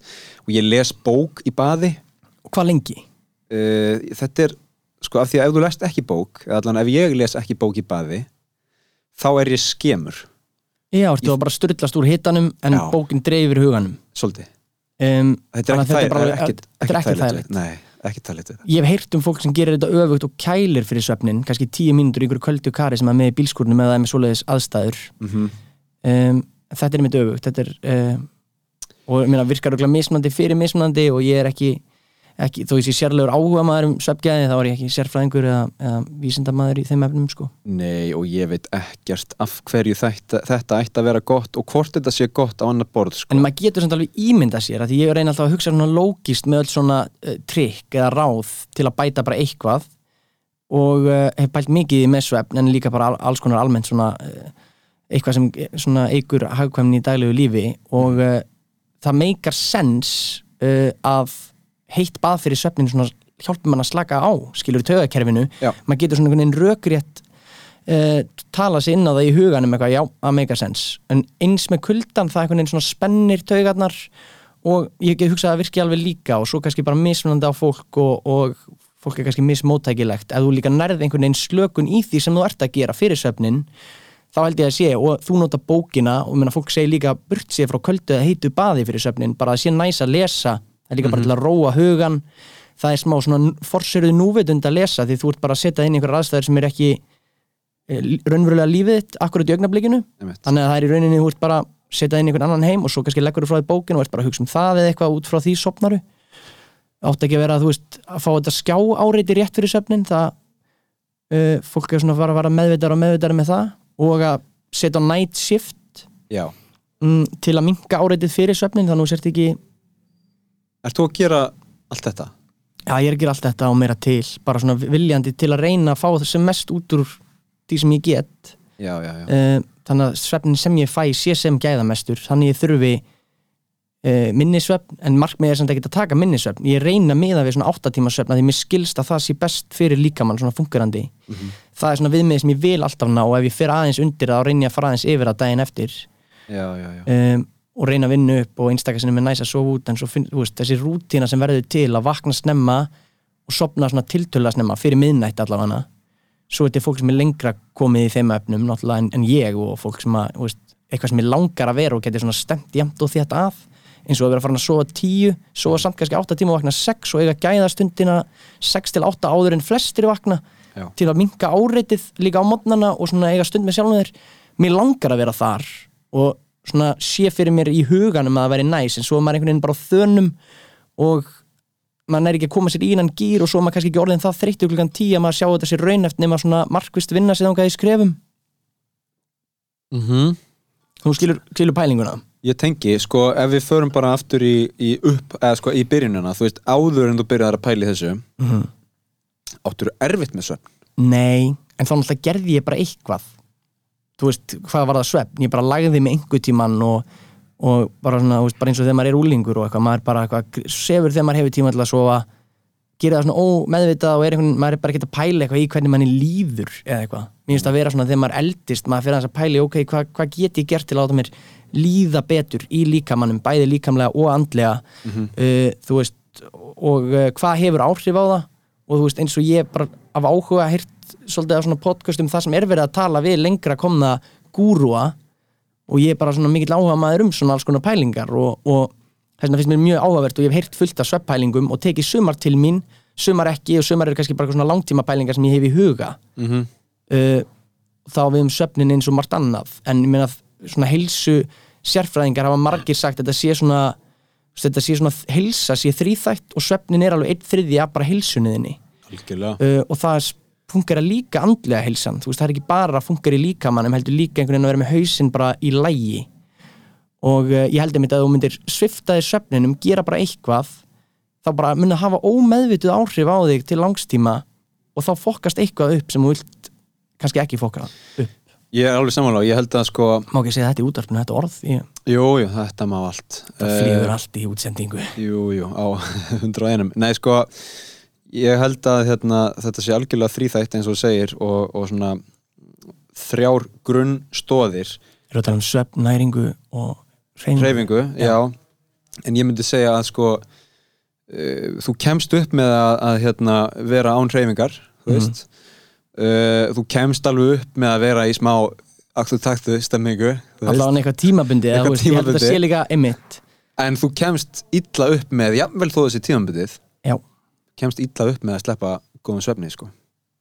já og minna, að vera þreyttur er bara einlega ástand. Þú ert næstu því svo sért sko veikur eða þú ert svona alvöru þreyttur og illa sofin til bara, jafnvel þú sofir illa bara í nokkra daga Já. þá er að fara að sjást á þér hvernig þú lítur út. Mm það er að fara að sjást á þér hvernig þú fungerar í þú veist, allir starfsemi eða hverju sem er sem krefst sko einbeitingar. Já, uh, og þú ert bara eiginlega, þú veist og að vera bara vansvefta er líka eins og þú veist, það er bara eiginlega verra en þeir sem hafa, þú veist þau sem hafa drukkið áfengi eða eitthvað og eru bara mjög þunnir. Já, þú getur fengið örugglega þannig tilfinningu eða svona sambærilega, þú ert mjög, mjög þreyttur. Þú ert bara svona erfitt með að innbeita þér og bara líður illa. Og þarft ekkert marga daga af mjög litlum svefni til að vera þar.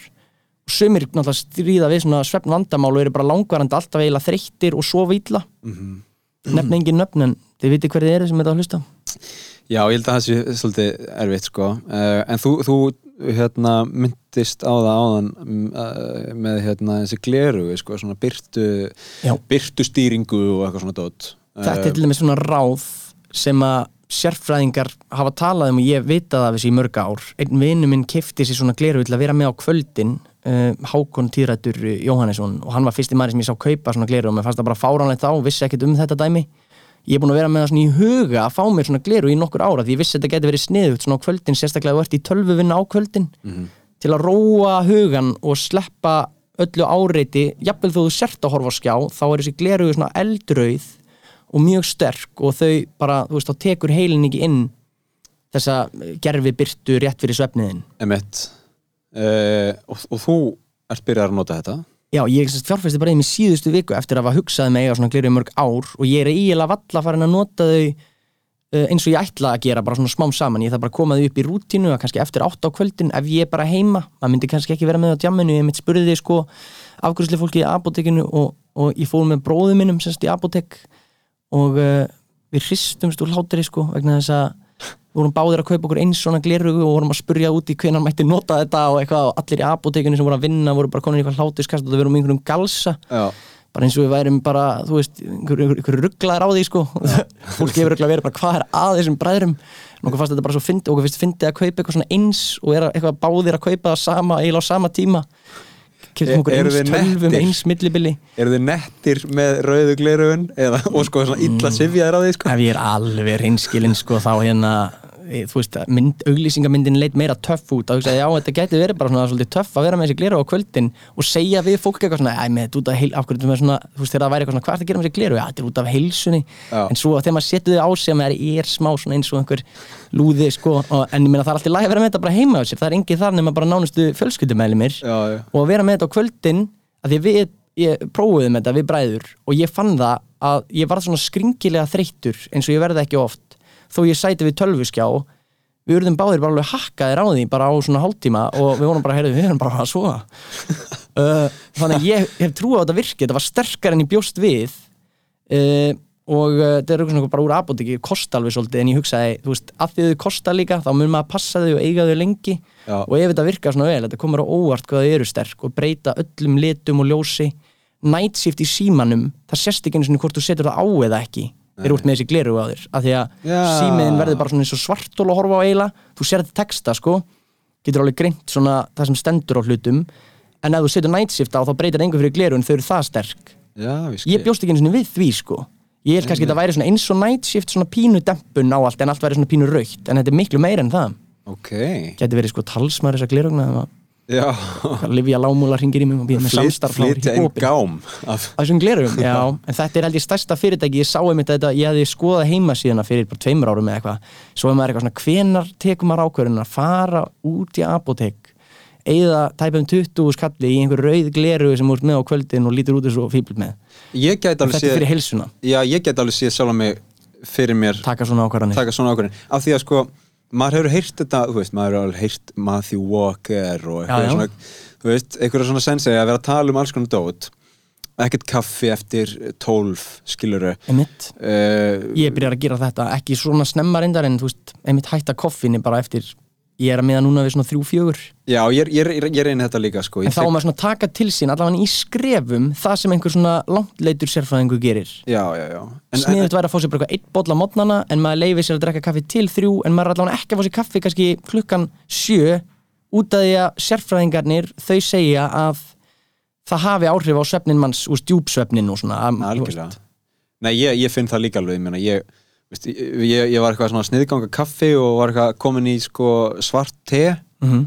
þú veist, og ég vel á kvöldin eitthvað svona Netflix og svart te Er það samt með koffin í? Já, það er nefnilega með koffin sko. Að svo bara, svo, svo var er ég bara svo var ég bara, nei, svo var ég bara andvaka og skildi ekkit upp niður ah, Þá varstu bara að dæla í einhverju koffin í Já, ég bara, hvað er að gera? Ég held ég væri að gera vo- voða gott hérna að drekka te á kvöldin já, já, já. Það var náttúrulega bara að taka inn mikið koffin, Koffin er rétt fyrir svefnin sem á, á flesta hefur örfand áhrif svo er endar sko Já, svo- í svo- langleitur, svo hefur þetta öfu áhrif á einhverja Já. og þú veist, það er bara öðruvísi kerfi uh, sem til dæmis ADHD, það er sagt til dæmis að koffín hafi sem sagt eh, róandi áhrif á fólk með ADHD Já. og þá ætti ég bara að fá sér eitt kaffibóla fyrir svefnin til að róa sig og slaka á Já, af því, af því ég kannast við það ég er endur ekki með hennar greiningu en eitt sko og ég held að ég sé nú ekki Þú ert á einhverju rói, Stefán, það Ég- er morgun alls konar, eftir sko. að hafa heyrt regnskóasöguna þá er engin hlustandi í vafa um það. Maður, en við erum öll einhvers staðar. Já, já, það er bara að gera mann persónuleika sko. algjörlega, þetta er ekki allt grátt sko. En, en hérna, þú ert ekki grár, Stefán. Ég er ekki grátt sko. En ég hérna kannast alveg við það að vera einhvern veginn komin á kottan já, og fá sko geggjaðar hugmyndir sko bara hugmynd eftir hugmynd. Hörðu ég verða skrifa þennar Já, já, já. sena, hörðu, nýtt hlaðvarp maður. En punktur að það hjá þér í síman þá eða eitthvað svo leiðis þá, þá, ég verð að standa upp skilur, fara fram. Og ekki græða það. Og græða annars getur ekki sopnað því þetta eru Já. góðar hugmyndir og trætur um að gleyma þeim. Eða, þú veist, eða vilt bara já, þú veist, en mér mikið af þessum hugmyndum bara, skilur les maður daginn eftir og er bara eitthvað svona var, ég var í galsa í gær. Þetta er ekki lægi sem þetta í hug. Þetta er meira bara í sko mómentinu að geta hægt að hugsa um það. Einmitt. Verða, koma því niður á blað. Ég er alveg sammála, Þá ég er verði það alltaf að skrifa svona af því að þá veit maður allan að það er einhver staðar Já. Og það einhvern veginn uh, kvílir hugamanns að vera með bara miljón hugmyndir einhver staðar en maður allan að veit að maður hefur aðgangaðum en maður skildi einhvern tímann hugsa heyrði ég fekk ekki enga hugmynd í dag. Best að fara í skjalið góða. Er maður alveg blanko í dama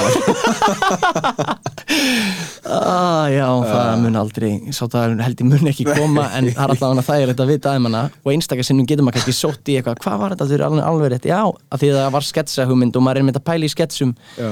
Ég er líka farin að passa upp á hvernig ég merki hlutina Þannig ég geti sörtsað Já, Ef ég er með sketsahugmynd þá byrja ég alltaf að skrifa skets bandstrik, það er bara til ég geti fundið að mögulega ef ég er eitthvað svona, eruð brainstormum um sketsa eða rapplína eða uh, konceptpæling eða hugmynda eða eitthvað svona. Svo einstaklega sem getur maður að leita þig og þá er maður einhvern veginn með einhvern svona banka af hugdettum sem eru bara misgóðar eftir atvikum.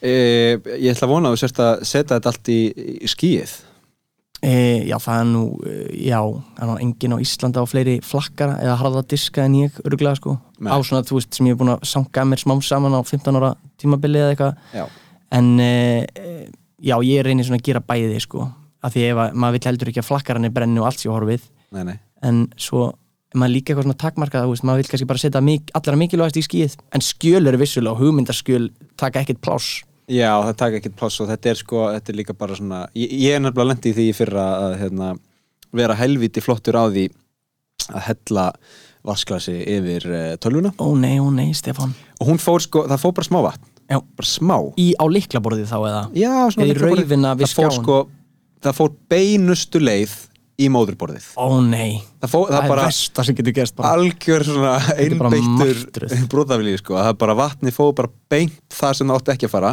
Ó nei, okkur setja þau ekki einhverja vörn þar sem er að hanna tölvunar Já, ég meina, þú veist, kaupa nýja tölvu og eitthvað svona það fyrir drópi, þá fyrir beint í móðuborðið veist. sígur þetta að sér sko. Já, Eh, og hvað bara óni tölva og allt farið, en var þetta- í skíi eða? það var ekkert í skíi og... Nei. En ég var nú búin að bakka eitthvað upp á flakkana sko Já, en ég tapaði einu svona hugmyndahandriti þar sem ég var að byrja að skrifa eitthvað, eitthvað leikrit sko. Og það er í hausnum á manni eftir að maður tapar ég er alltaf að verðmætast á besta sem maður á. Ef það hverfur eitthvað þá er maður bara þetta, mátti, þetta var einmitt það sem að, ó, hvernig var þetta aftur, þetta var svo gott. Já, Það er- en þú veist, svo sér maður það aldrei. Nei, náttúrulega um, En mér fannst svolítið gott hjá Apple sko. Þau tók hann í viðgerð. mm, Ringdu síðan viku setna Hörðu félagi Þetta er alveg búið maður, við getum ekki bjarga neinu. Það er bara móðuborðið er bara komið á kvolf sko Ó nei, ég eitthvað þetta er svona, vestu tíðindin frá viðgerða verstæði djöfull, Já, já. Það er það ok, takk samt. Nei, byrju, hörðu, eigum við að senda reikning á heimabankana? Ha, byrju nú við Já, hörðu, þetta er, þetta er hérna 10.000 krónur. Það Það er skoðun ekki aldrei. Fyrir að setja bara henni í tætaran Þú bara, takk fyrir reyðilega líf mitt og rukka mig svo tíu skall. Já, ég setti það bara í heimabankan Já, svo borgar þetta með glöðu En ég held að þú er að fara að rósa þeim en, en þetta, en ég meina þetta er bara svona hjá mörgum. Þetta er bara gjald þetta- fyrir að skoða og aðtuga hvort það er hægt að bjarga. Já, já, En þetta er náttúrulega vest þegar það er ekki hægt að bjarga neinu Ekkert mála eitthvað svona, já getið þið bjargað þessu? Ég borgar skoðunagjaldi og viðgerina En já, þegar ekki, það er ekki að bjarga neinu. Þá er það blóðugt sko.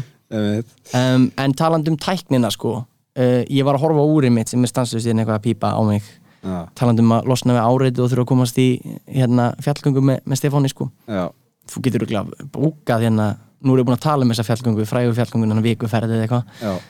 Uh, Fólk myndir örugglega vera æst að koma með okkur En það vil ég ekki, því ég ver, við verðum að fara tveir af Því að það er það sem ég þarf. En uh, af því ég hef svo mikið áhuga á að mónitora uh, svefn og svona snjallur gera það í dag. Mm. og gefa manni frekar nákvæmar upplýsingar sem er svona byggt á því að lesa upplýsingarnar og hvernig mér finnst það hafa verið finnst mér frekar nákvæmt og uh, ég tekka á svo hverjum degi ég eila bara með úrið aðalega á mér yfir nóttina og ef ég er ekki búin að ná að hlaða þá býð ég með að fara að sofa þá er ég búin að hlaða úrið þannig að ég getur örugglega, sérst, fylgst með nætursvefninu mínum mm. ég er alveg það mikill svefnáamaður ég pæli bara mjög mikið í þessu hversu lengi ég var í djúpsvefninu nákvæmlega hvað voru marga mínútur sem ég svaf hvað var mikill gæðasvefn Einmitt. þess vegna líka veit ég að ég er spenntur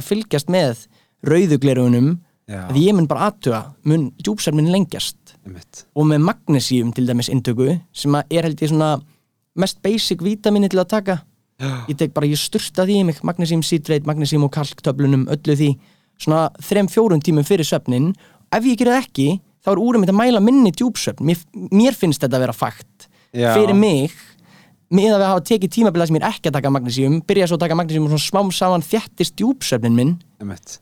samkvæmt virkninni þá á þetta að vera betra fyrir svefnin uh, mér finnst það stemma og þetta á að auka svona gæðasvefn og þetta bara magnísíum á að hjálpa taugakerfin að slaka og vöðvum og eitthvað. Þannig að fyrir utan svefnin bara almennt á að vera gott.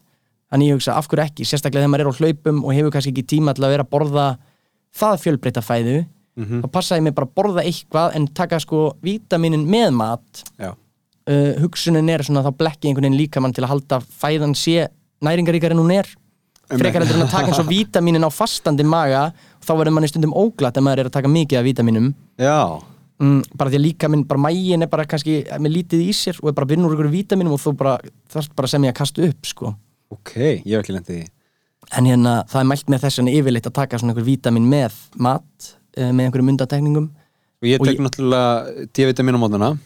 Já, svona perlur eða Oftast tek ég nú bara lýsi sko. En, en, en jú, stundum perlunar Þegar ég var, var COVID-aður þá fekk ég með perlunar sko. Og meira, meira styrk- smúð styrkleiki. já, meira styrklegi ég sturti með þessum perlum bara í morgumat sko.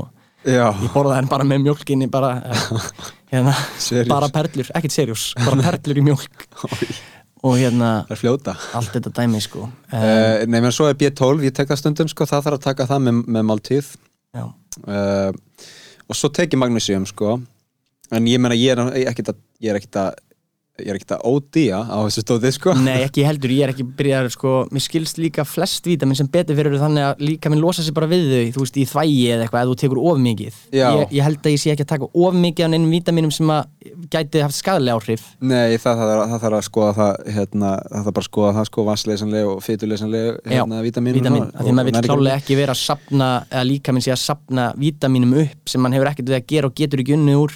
en ég reynir svona einhvern veginn að bæta við fæðuna svona þessum vítaminum sem að er mælt með bara svona við þurfum á aðeins meira D-vitamin að halda en við getum fengið í skamdeginu sérstaklega. Já, algjörlega á Íslandi sko. Og uh, það er bara eitthvað svona sem að ætti að vera almennt bara uh, ráð og allir ætti eiginlega að gera. Segja, segja fólk og ég ætla hann að teka til mín og reyna að gera það og búin að gera það í nokkur ár. Ég meina, ef þú ert úti tíu tíma á dag þá ertu líklega í svona ágæðum málum. Já, en fæstir eru það, Það og meiri sér á Íslandi er bara þannig staðan meiri úr úti í tíu dag yfir svartasta skamdegið þá er bara, bara bjart í veist, í desember og það er bara þannig og þá verður þú bara taka þessi D-vitamin. Ég byrju við vorum búin að tala um dagljósin.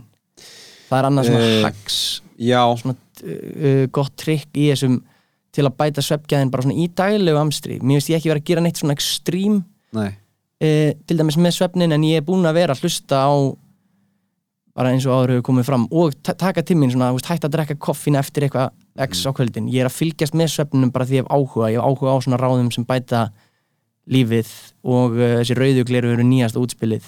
Svo kannski ef áhugin ekst svona í veldisvexti eh, samhliða því sem ég eldist þá er ég náttúrulega komin eitthvað ennþá lengra í svepphælingum eftir tíu ár, þá er ég bara eins og ég sé farin bara eitthvað að pæli þessu. Ég er bara, þú veist, Þú sefur í svona sensory deprivation tank. Já, einhverjum bara, Saltlegi já, í pækli.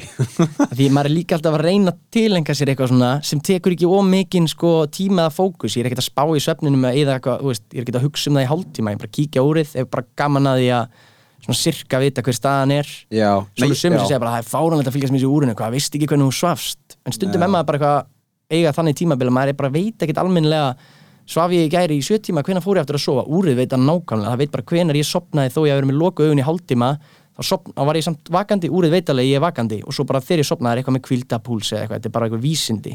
Ég, ég er ekki komin á þennan vagn sko. Kannski prófaði einhvern mann en, en, en mér finnst áhugavert að pæli í sko þú hlustar á þessi podcast veist, og, og maður gerir það. Og maður, maður veit mikið sko. Maður veit mikið um þetta. Fólk fólk veit mikið um þetta en, en það, það er ekki allir sem til uh, taka það til sín sko og tilenga sér það Mhm. nema þá svona lítil skrifi inn og ég held að það sé reynda bara gott.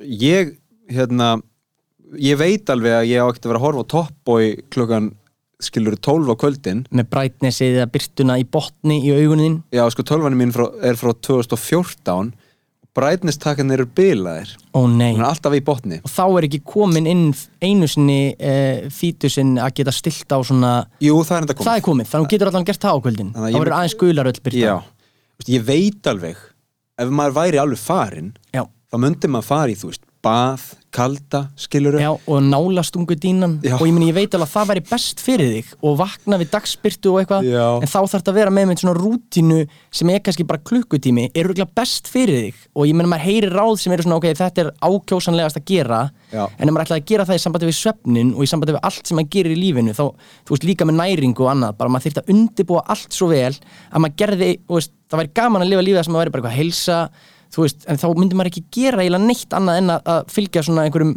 bestu mögulegu ráðum. Nei, ég tók þetta oft í COVID-inu. Já, þú veist, þá var lítið að gera í skólanum. Mhm. þá hafði ég, og þá var sérinn hérna að vinna, þú veist. Þá var bara ég og kötturinn heima.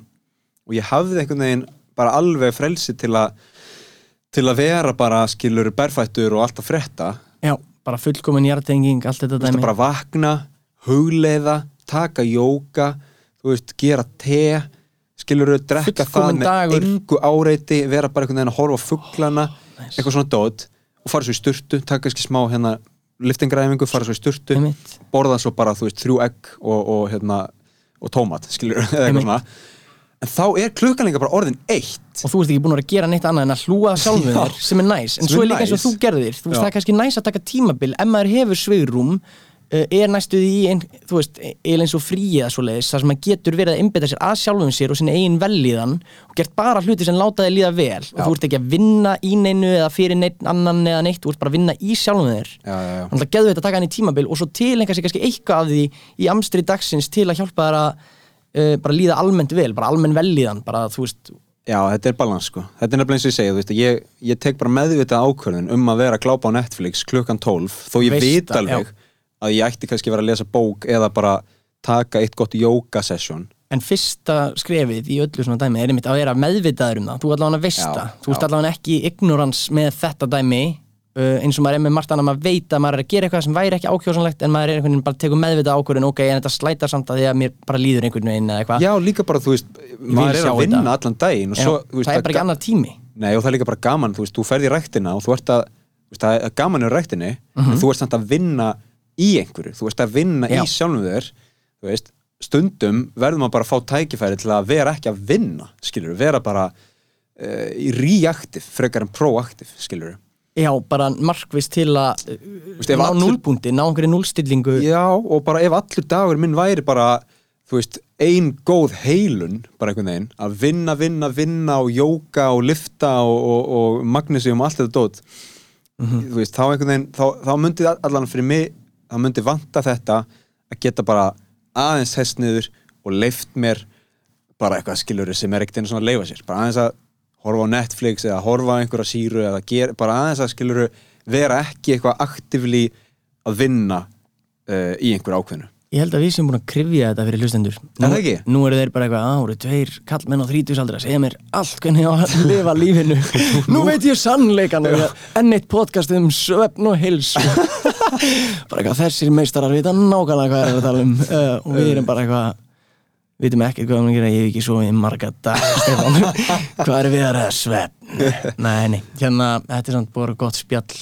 Já, ég meina við erum, við erum hérna búin að dansa í kringum svefnin og, og, og og snert á ymsöðru já, já, þú veist, þetta er ekkit það, það, þetta er ekkit engin handbók, skiluru Þetta er nefnilega engin handbók sko. Það verður líka bara, Það er bara spjall. Það er bæði annars vegar fannst mér gó, góður útgangspunktur eða, eða endapunktur á þetta ágæta spjall okkar að finna þetta jafnvægi.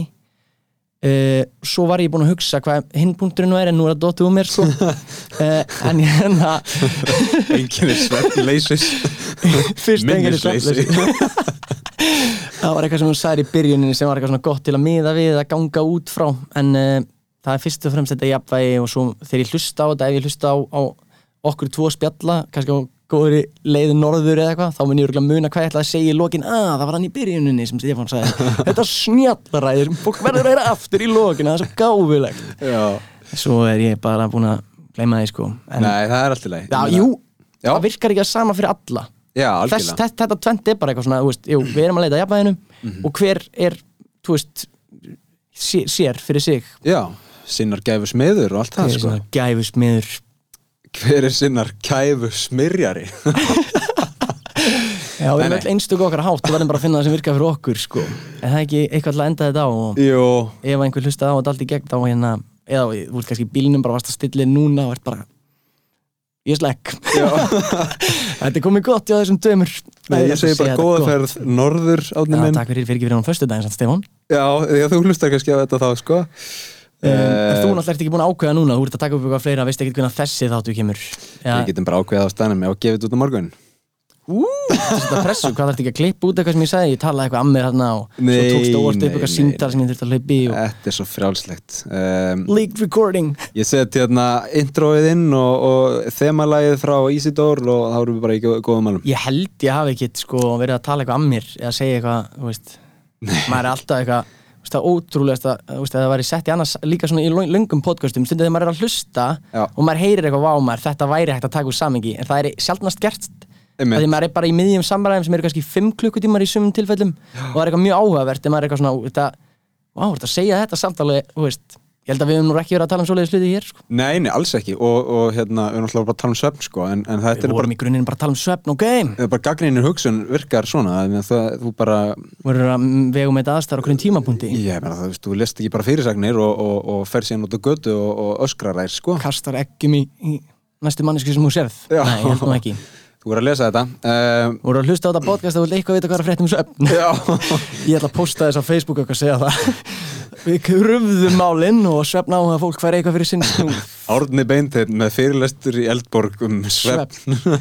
Mér finnst bara alveg gaman að tala um þetta. Ég var spenntur að koma inn að þátt að ég hugsaði bara Mér finnst bara, ég get talað um svefn endalaust bara svona einhverjar hugmyndir að pælingar sem maður hefur heyrst og, eitthvað, þetta er bara skemmtilegt. Við tökum round 2 eftir 10 ár þegar þú verður alveg farin í þessum pælingum komin já, já. Í, í tankin með saltbaðinu Hann og- lifir enn.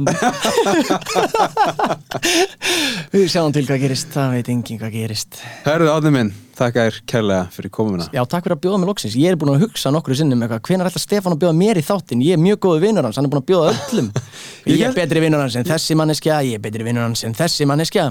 Já, ég, ég eins og Hákon held alltaf að þú væri bara fyrir norðan Já, þess, já, þetta er ástæðan. Ég var bara þegar þú spurði mig, þá var ég bara loksins tala Stefán við mig, hann er búin að ganga fram hjá mér í marga mánuði. ok, en þetta er veistla. Takk fyrir mig. Herðu, God bless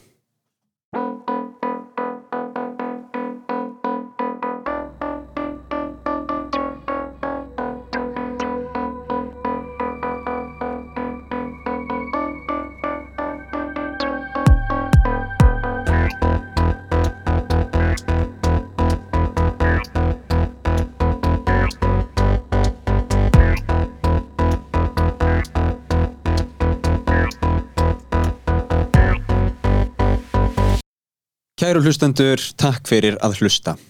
Uh, mig langar að vekja aðtikli á Facebook-hópnum heimsendir.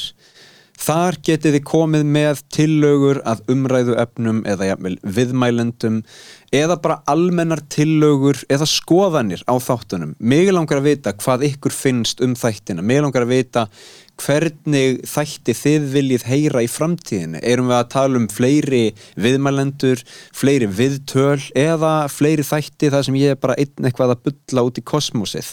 Eh, eigum við að fjarlægast heimsenda þemað? Kannski ekki, en eigum við að skoða einhver önnur þema líka? Hvað viljið þið heyra? Viljið þið heyra um, uh, uh, já ég veit ekki, tónlist eða viljið þið heyra um uh, arkitektúr eða, eða, eða eða bara stærðfræði eða hvað sem er, hvað viljið þið heyra? Uh, endilega kíkið á heimsendi á Facebook og látið í ljós ykkar skoðun.